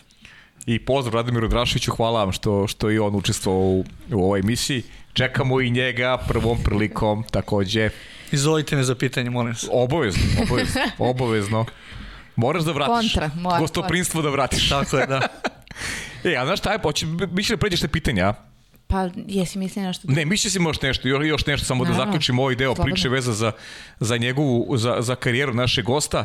Dimitrije, e, Partizan, tu si sada i sledeće godine reprezentacija dva velika takmičenja i znam da je i tebi sigurno najveći san da, da ovaj, postaneš tada u reprezentaciji. Kako vidiš E, tu celu priču, kako vidiš sebe u Partizanu, da li vidiš možda ponovo neki odlazak u inostranstvo i naravno pogled ka svetskom prvenstvu Japanu i evropskom koje se odigrava u Splitu. Jedna super naporna godina, jako teška je za, za, za sve vas igrače generalno i za vas koji imate repestene obaveze i iz ove koji nemaju, e, teško je održati formu a opet s druge strane igraš u ligi koja je nikad jača kada govorimo o srpskom prvenstvu i, i da, li, da li osjećaš da si ti negde, negde napredovo kroz ovo jake utakmice koje imaš u Srbiji, štete što i Partizan ne igra Evropu s obzirom na kvalitet tima, ali ajde da jedno po jedno, da odvojimo malo neku, neku tvoju ličnu želju gde se vidiš u, u nastavu karijere i da pričamo o reprezentaciji e, svetsko evropsko prvenstvo, da li je to neki, neki tvoj cilj za narodnu godinu? Pa što se tiče Partizana, uh, voleo bi da, da ostanem u klubu, da ove mhm. sezone napravimo uh, uspeh, to jest da probamo da budemo u prve tri ekipe koje se kasnije igraju kvalifikacije za Ligu šampiona. Voleo bi da ostanem u, u klubu, da zadržimo ovaj nivo igrača, ako ne još da se pojačamo i da probamo sa, da vratimo Partizan tamo da i pripada da igramo i Ligu šampiona. Što da nemamo i sledeće sezone tri kluba Tako je i da igraju još e, bitniju ulogu u Ligi šampiona. Tako da da bi to voleo ako se ostvare mogućnosti, naravno uslovi što se tiče Partizana i funkcionisanja, to bi mi bila e, želja. A ako bude neki problema neplaniranih, e, onda ćemo da vidimo za inostranstvo. -huh. šta bude o tom potom. Što se tiče reprezentacije, ja sam u reprezentaciji svako leto skoro na pripremu od 2013. od Herceg Novog, uh -huh. tako da suvišno je pričati o tome da li želim i koliko želim. Svake godine se spremam kao da, da ću ići na takmičenje, dajem svoj maksimum, tako da tako će biti i ovog puta za, za svetsko prvenstvo u Japanu i Evropsku Splitu. E, mislim da, da imam šanse, sve do mene kako budem bio spreman, kako budem radio, tako da sam maksimalno fokusiran na, na, na svoj rad i, i željno iščekujem početak tih priprema i da se što bolje spremim i, i pokažem. Mm -hmm. Ili imaš ti utisak da ti je forma, da dižeš formu u odnosu na, na početak sezone, jer ne zameri mi to je neki moj utisak. Pa si, sigurno, sigurno da što se više igra utakmica, što i, i mi se bolje uigravamo kao ekipa, uh -huh. kao Partizan, sigurno da ja dižem svoju formu, imam uh, da kažem više odbrana i stičem samopouzdanje i sigurnost, tako da to će mi dosta značiti za nastavak sezone i za i za i za reprezentaciju ako bude trebalo da, da budem u formi što je što najbitnije. Najbitnije je da imam a, samopouzdanje, što uh -huh. mi mhm. nikad nije ni manjkalo, sad godinama je došlo i neko iskustvo, tako da mislim da da sam spreman. Tako da se osjećam i, i, i, i idem ka, ka tome. Uh mhm. -huh. Možemo da prelazimo na pitanja. Kako vi kažete, koleginice? Idemo prvo na Aleksandrina pitanja. Može.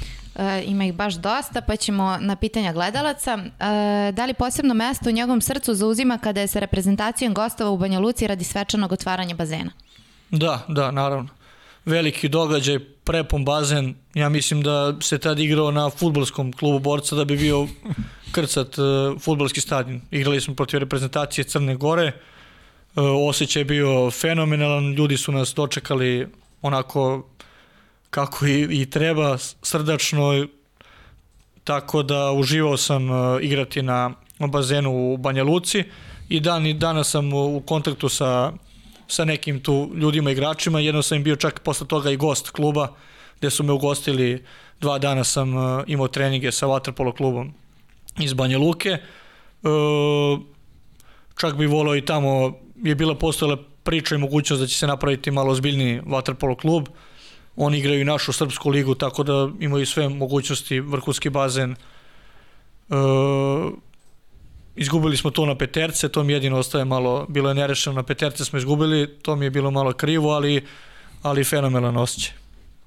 E, Crkva Svetog Đorđe u Novom Goraždu je za njega posebno e, mesto koje redovno posećuje. Zašto? Pa, pre svega, e, zato što su tu sahranjeni moji uh, dva deda, dosta rodbine, uh, mamin brat uh, koji je poginuo u ratu i to je najstarija, mislim, jedan od najstarijih cr, crkava. Uh -huh. uh, kad god odem, odem upalim sveće, tako da to je jedno mesto na koje je obavezno kad odem u Republiku Srpsku sratim. Ne mogu da prođem da a da, da ne stratim da zapalim sveće. Prelepa jedna mala crkva, tako da kogod prolazi preporuka da, da svrati. E, dok drugi letuje na poznatim destinacijama, Dimitrije ide e, na rafting tarom i planinari, što je za pohvalu. Izjavio da je mnogi drugare e, vodio na rafting, pa koga je vodio i kako su se pokazali. Pa ne mogu da kažem da ja ne letujem, sad bi bilo glupo da ja samo ispade da idem po tim mestima. Ali obožavam da, da idem na rafting. Bio sam već par puta. Vodio sam Đoleta Lazića, Filipa Jankovića i još jednog drugara Alena koji je pre branio, više ne igra. On je otišao na studiju u Ameriku. Uh mhm. -huh. Pokazali su se super. Prvo ih je mrzelo ujutru kad sam ih probudio da idemo. Govorili su, ma ćemo sad kakav rafting. Ali kad smo stigli u kamp, kad smo jeli, klopali, oduševili se klopom, kako to sve izgleda, obukli smo odela, seli u kombi i otišli i spust je bio ne, ne, neverovatan. Oduševili su se i evo sad pitaju kada ćemo da idemo ponovo, tako da prelepo jedno iskustvo i doživljaj. Isto ko nije bio, treba da ode da na rafting taru. Moram da potvrdim, bila sam ja i na Tari i u Višegradu i stvarno fenomenalno.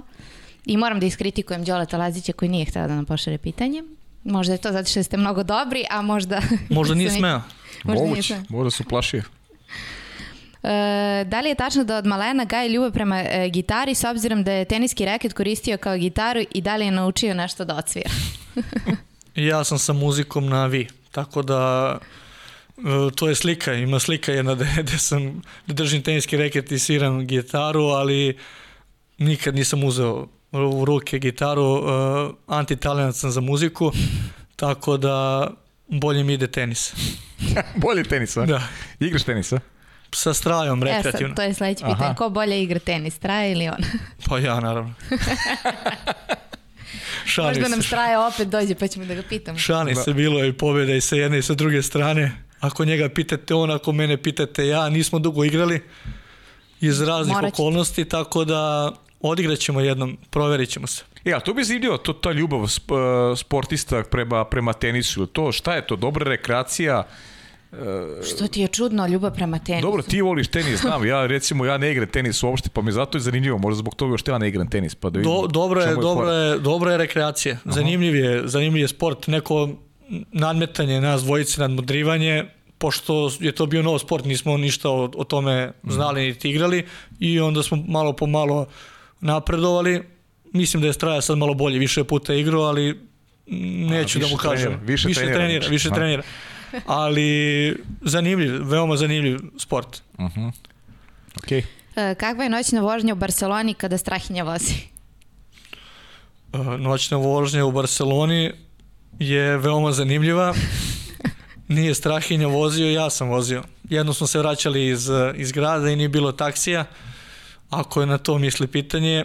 I onda, pošto je Strah imao karticu e, gde se uzimaju bajsevi, uzeli smo jedan bajs i ja sam vozio, on je sedeo na volanu i tako smo otišli do Mac Drive-a jeli i odvezli se do, do njegovog stana u Barceloni. Žek, izvini, šta ste radi u Barceloni? Bio si posti straje ili... Da, da, u poseti, Posle u poseti, Straje, da. da? To je stigli, imali smo, stvari. imali smo sparinge uh, Marseille, uh, Barce, Aha. Barcelona i onda sam ja ostao još uh, kod njega. Mislim da je to bilo taj put. Mhm. Ako se ne varam. Dobro. E, šta je na njega ostavilo najjači utisak prilikom posete Kubi? E, neka ispriča bar jednu anegdotu sa tog zajedničkog putovanja sa Strajom. Šta mi je ostavio najveći utisak? Pa Kuba je nešto što nisam se nikad susretao pre toga sa, sa takvom zemljom. O, Oduševljen sam e, i Kubancima koliko su srećan narod i, i Havanom i posle toga smo išli u letovalište Varadero. E, Stvarno Kuba je prelepa, e, tol, toliko smo imali lepih trenutaka da ne znam e, koji bi pre rekao od vožnje kabrioletom preko obilazaka gde u jednoj radnji možete i da se ošišate i da popravite automobil i da popijete piće. To je sve ovako u jednoj prostoriji do nezamislivih trenutaka. Oni na svakom koraku imamo čak i jedan video gde, gde nam svira jedan simpatični čikica i peva pesme na svim, na svim jezicima. Mi smo voleli ovu komandantu Čegavari, ima pesma jedna, tako da to nam je ta pesma sa tog putovanja. Prelepo smo se proveli, stvarno. Da, treba vidjeti Kubu. Da li je prestao da maltretira najmlađu sestru s obzirom da je Sofija sada punoletna? Nisam, nisam, nisam Nisi prestao, ali, ali mislim da ni ona ne želi da prestane da je maltretiram. Tako da mislim da će to biti ceo, ceo život. Ne postoji jača ljubav od, od te bratsko-sestrinske, definitivno. Pa jest, ja imam dve sestre, Jelenu i Sofiju, tako da uh, to je kod njih uh, obe me vole, Sofija kaže da me voli više, Zato što je maltretiraš više. pa jel? da, ali to je nemoguće, stvarno smo povezani i veoma, da nema njih dve, mislim da, da bi mi bilo dosta, da, dosta dosadnije i, i, i ovim putem bih pozdravio i zahvalio mi se na svemu. Lepo. E, Završio e, studije sportskog menadžmer- menadžmenta, a Viktor i on su u periodu korone iskoristili da se dodatno obrazuju i završe e, kurs stručnog osposobljavanja za trenere u sportu, što je za pohvalu. Uz to su završni test položili najvišom ocenom, tako da imaju zvanje operativnih trenera. Videli sebe kao trenera ili menadžera nakon završetka karijere? Pa, dobro pitanje. Uh, jeste, Viktor i ja smo završili tu, kako da kažem, trenersku školu. Završio sam iz razloga što bi negde sam razmišljao i u jednu ruku i po završetku karijere bi voleo da, da ostanem u sportu ako to bude bilo moguće. Sad, da li je to menadžer, sportski direktor, trener, to, to ne znam u, u tom trenutku, ali, ali bi voleo da, da se okušam i u trenerskim vodama. Imam negde i nešto i zapisujem neke treninge i posebno, tako da zašto da ne, voleo bi da ostanem u, u sportu, to je moj život i vidjet ćemo o tom potom. To se ja teo, izvini, to se ja teo ti pitam vezano za, ono, za onu priču o Šćepi. Šćepa koji je nekad bio golman, a sada je vrhunski trener uh, i ima golmana nekadašnji koji sada je veliki trener i zbog toga sam teo te pitam, ali eto, Aleksandra nas, me je preduhitrila negde da vidim da li imaš ambiciju da ostaneš u, u Waterpolu i posle karijere, a očigledno imaš. Volao bi, volao bi da, da, da, da ostanem. Uh mhm. -huh. To što je Šćepo vrhunski trener, mislim da mi sa pozicije golmana dobro vidite. Dobro vidimo sve šta uh -huh. se mhm. dešava. Uh mhm. -huh. Tako da, ali vidjet ćemo o tom potom, ne mora, ne mora da znači. Za sad mogu da kažem da, da bi voleo. E, ima psa Hektora za koga je vezana, prošlog leta imali su zajedničko kupanje, kako je prošlo, volili Hektor vodu, vaterpolisti obično kažu da ne vole vodu izvan bazena i utakmice izgleda to nije slučaj kod njega. Nije, volim, volim i da se kupam i u drini i u, baz, i u bazenu čak kad nisam na treningu i, i u moru naravno. Imam Hektor, to je jedan prelep pas švajcarski očar, uh, ali ne voli vodu i jako me nervira. ne voli vodu. Ne voli vodu, moram da ga ubacujem u vodu, da ga, kako da kažem, namamim, prevarim i da ga ubacim u vodu. Ne voli, ne voli vodu, tako da ta kupanje to su uglavnom silom. E, sad prelazimo na, na pitanje gledalaca i ti slobodno proveri ako sam neko Aleksandrinu izostavila jer, jer ih ima baš mnogo. Uh, e, VK Čukarica pita da li mu nedostaju letnje pauze od vaterpola i ukoliko da šta najviše? Uh, letnje pauze od vaterpola? To je verovatno Stefan Balti Popović postavio pitanje. E, pa svakome naravno prije odmor kad se završi sezona, ali meni u ovom trenutku ne nedostaje, više bi volio da leto provedem sa reprezentacijom nego na pauzi. Ako bude te zaslužene pa, pauze, naravno, volim da odem negde da se opustim koji svi na more ili na drinu, kao što radim i, i svake godine, tako da sigurno neću preskočiti i ove. E, Nebojša pita kako mišljenje imaš o tvom bivšem kolegi golmanu Orade Lazaru Brakočeviću? Uh, Laki, to je moj komšija i drugar, zajedno smo trenirali u Partizanu, bili smo tad tandem uh, jedne sezone, on sad brani u, u Oradeji, bio je i u Izraelu, MVP izraelskog šampionata, sad brani u Oradeji i mislim da mu odlično ide. Uh, iskreno, uh, malo me iznenadio. Mislim da pruža super partije, tako da mu ovom prilikom ga pozdravljam i želim mu samo tako da, da nastavi. Uh, Leska 003 pita kako pamti kragujevačku publiku iz prošle sezone? Mm, kragujevačku publiku iz prošle sezone? Pa super, ljudi navijaju za svoj tim, ko što bi svako navijao za svoj tim. Uh, mislim da aludira, imali smo neke čarke, jer su mi dobacivali nešto, ali to nije bio prvi put. Jednom i s Partizanom sam isto imao uh, sa, na bazenu u Kragovecu, ali to je sve simpatično, to je sve u, u sportskom duhu, tako da bilo bi bolje kada bi i na više bazena bila takva publika kao u Kragovecu, da bodre svoju ekipu. E, Mile u Šorcu pita ko je pa njemu najbolji igrač sa kojim je trenirao u e, Waterpolo klub Tent? U Waterpolo klubu Tent najbolji igrač s kojim sam trenirao. To će biti malo nezahvalno odgovoriti, ali ja ću reći da je to uh, Aleksandar Jukić zvani Čići, tako smo ga zvali. On je stvarno u tom nekom periodu je bio majstor sa, sa loptom i, i sa odrasto je bukvalno počeo trenera pre, svi, pre svih nas. Otac mu je trenirao na bazenu, tako da bio je mađioničar sa, sa loptom. Mogu da napravi veoma veću karijeru, da je imao možda malo veću glavu, levoruk je bio, tako da eto, izvojio bi njega da se niko ne naljuti. E, pitaju kad ćeš da se ženiš više? Ko to pita? Lola Boat Rent Montenegro. Aha, zna, rekao da nije mama.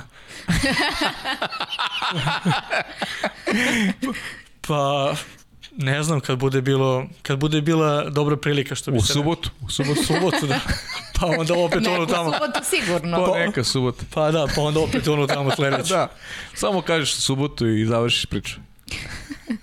Pozdrav za Bojanu i Janka iz Kotara. A, tačno znaš ko je. Znaš ko je, dobro, dobro. E, Matea 1923, e, znam da pratiš e, futbolski klub Partizan i da si veliki grobar, da li pratiš i košarku? Veliki pozdrav iz Hrvatske. E, pozdrav za Mateu. E, naravno da pratim. Pratim e, sve sportove uh, u kojima igra Partizan. Volim da pogledam i rukomet, pogledam nekad i odbojku, ali najviše pratim naravno koji svi futbal i, i košarku. Tako ne krijem veliki sam navijač Partizana i pratim sve, sve sekcije. Moram da kažem da si pobrao ovaj, simpatije ženske populacije, pa pita da li je mnogo teško biti najlepši u timu, Bojana Popović. Opa, Uh, pa ne bi Idemo. se sad baš... ga. idemo, oženit ćemo ga sigurno. Ima, ima nade i za mene. Evo, mama, Vreme radi za tebe. Vreme radi za mene. Pa, Nekoliko poruka sam dobila posle, možemo da, da razmenimo te Instagram Da. profile. Aha, aha. Pa ti vidiš šta ćeš. pa ništa, hvala na komplimentu. Ne bih sam složio da sam najlepši, ali hvala. E, Vic Stevano, kako si se proveo na Beer Festu? E, na Beer Festu proveli smo se fino. E, nismo se sreli ako na to misli, ali Beer Fest ko Beer Fest. Dosta gužve, malo muzike i Dosta piva. dosta piva. Ne pijem pivo, ali Ne, a? ne. Ti si Ali, moj čovjek, onda dobro. ali super, super.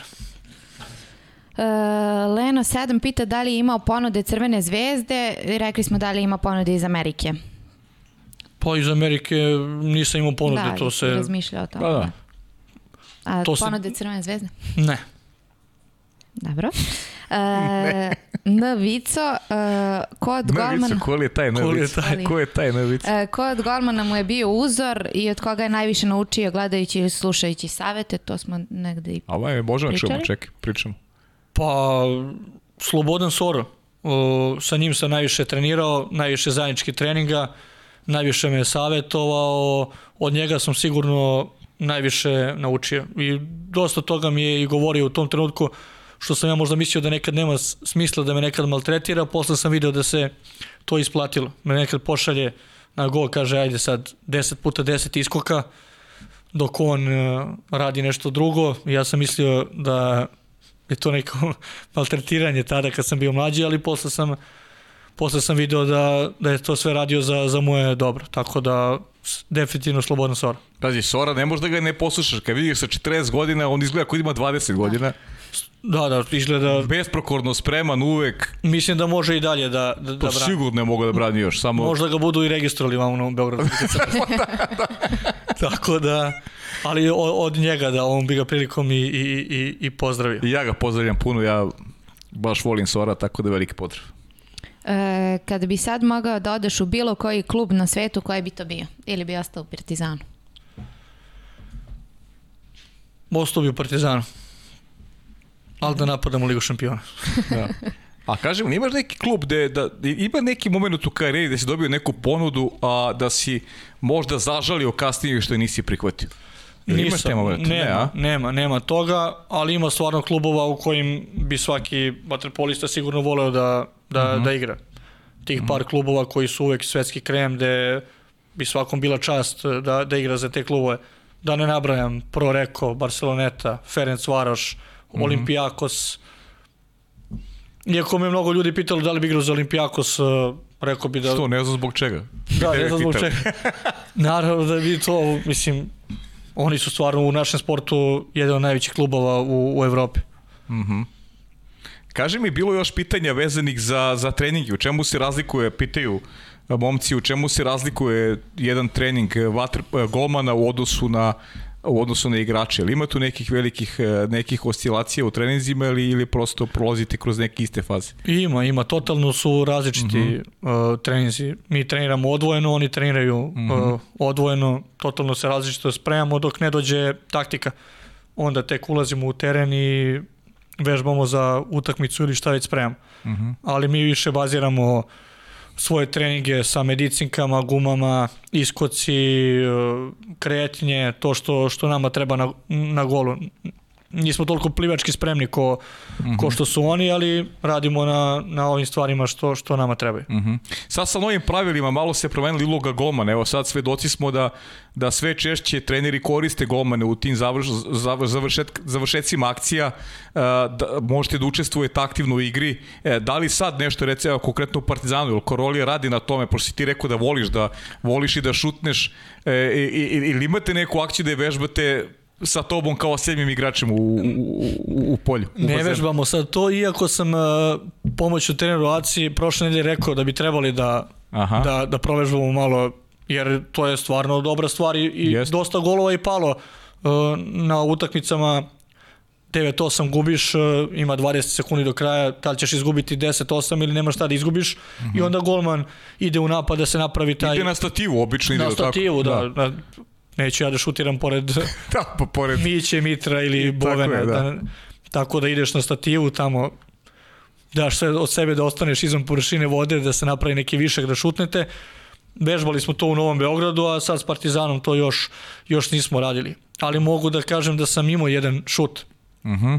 Ali ne, neuspešan, to jest u svetskom, svetski kup smo igrali u Berlinu. Dobro. E, polufinale protiv Mađara i gubili smo jedan razlike i ja sam krenuo u, u napad, ostao je posljednji napad i tako se nešto izdešavalo, pokrili su Mandu i Straju, ja sam ostao s polja i lopta ostala kod mene i šutnuo sam, ali nisam, nisam pogodio. Nisam dovoljno vežbao na trenizima. Nisi dovoljno ver... E pa to je. Znači mora se vežbati. Mora više se šutira. Dobro. A kaži mi kakav ambijent, i to su pitali isto ljudi, kakav ambijent generalno u Partizanu?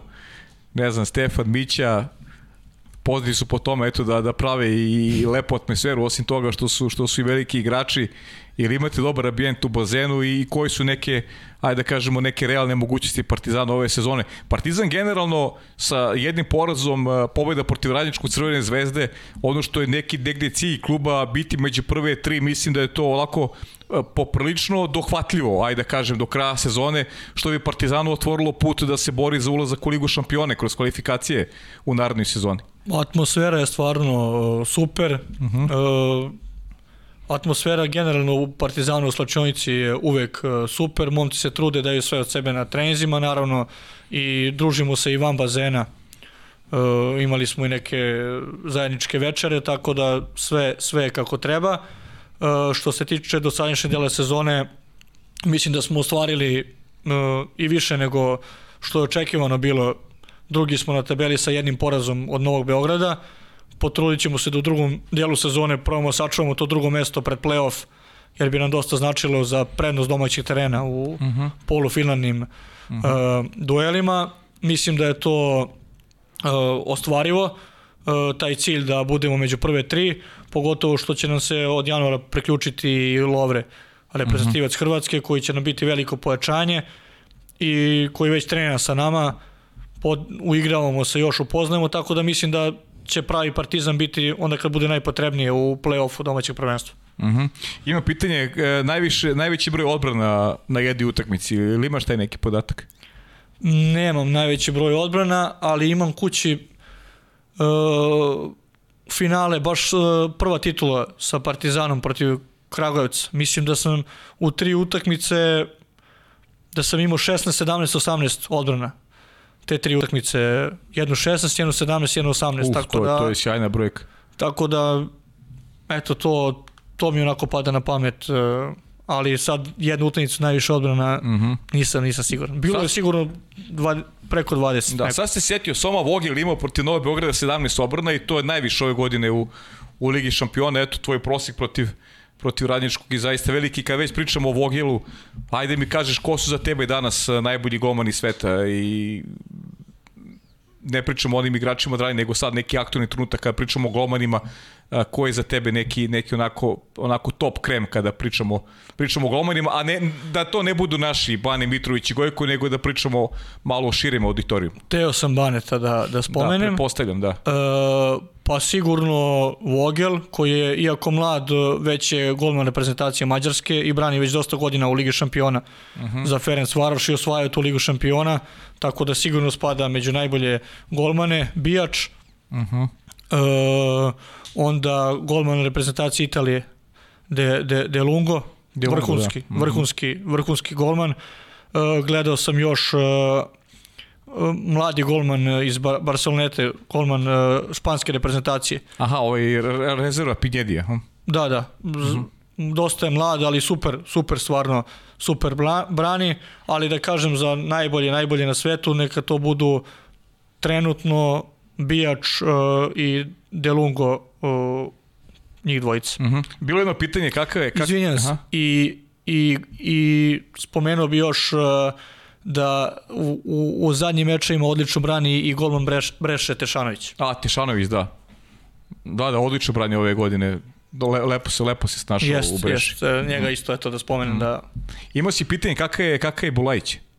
Uh, odličan, odličan. Uh, odlične preispozicije, raspon ruku, visina, radan, vredan, uh, uh, dosta je pametan momak, što je isto dosta, dosta bitno, tako da mislim da je pred njim uh, jedna odlična karijera uh, i mislim da će biti vrhunski golman.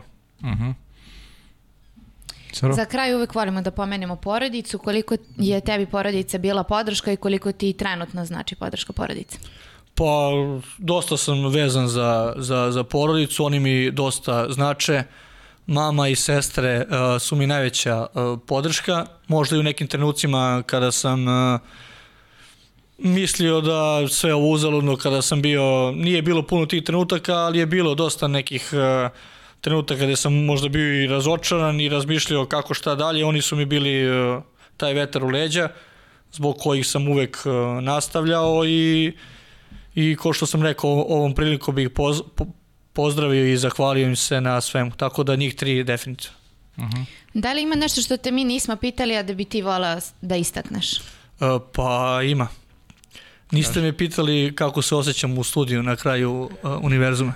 Bravo, nismo te to pitali. Ja sam pitala kako si. Ne, ne, ne, nismo ga to pitali, upravo je. Kako je da, ali... Bravo, Dimitri. A to je jedino pitanje na koje sam razmišljao pre ovog dolaska u emisiju. Da se ne znam to. A, sjajno. Jedino zagarantovano. Je i kako Ali meni je to pitanje dosadilo. Ja to više neću da pitam. Ne može, ja ću vam da pitam. To je najjače pitanje. To je najvažnije Ali i to kako se hoćeš u ovom ambijentu koji smo mi kreirali ovde. Ne, Da. ali ja sam s namerom rekla kako si. Ne, ne, Mnogo ne. je bitnije kako si ti nego kako se osjećaš ovde kod I nas. to je tako je, ali ovo je bitno pitanje jer ovo je nešto smo mi kreirali. Tako je, Okej, tako je. Evo, ja se izvinjavam. I je kako se osjećaš? Ti si 70. Kako se na godina, kraju znaš. osjećaš? 70, jubilarni 70. Ljubitelj gost. 70. gost, da. Uh, na kraju se osjećam uh, fenomenalno, stvarno baš mi je bilo drago što sam bio vaš gost i čast mi je bilo po- što sam gostovao kod vas u emisiji. Hvala vam sve što radite za naš sport, ovu promociju.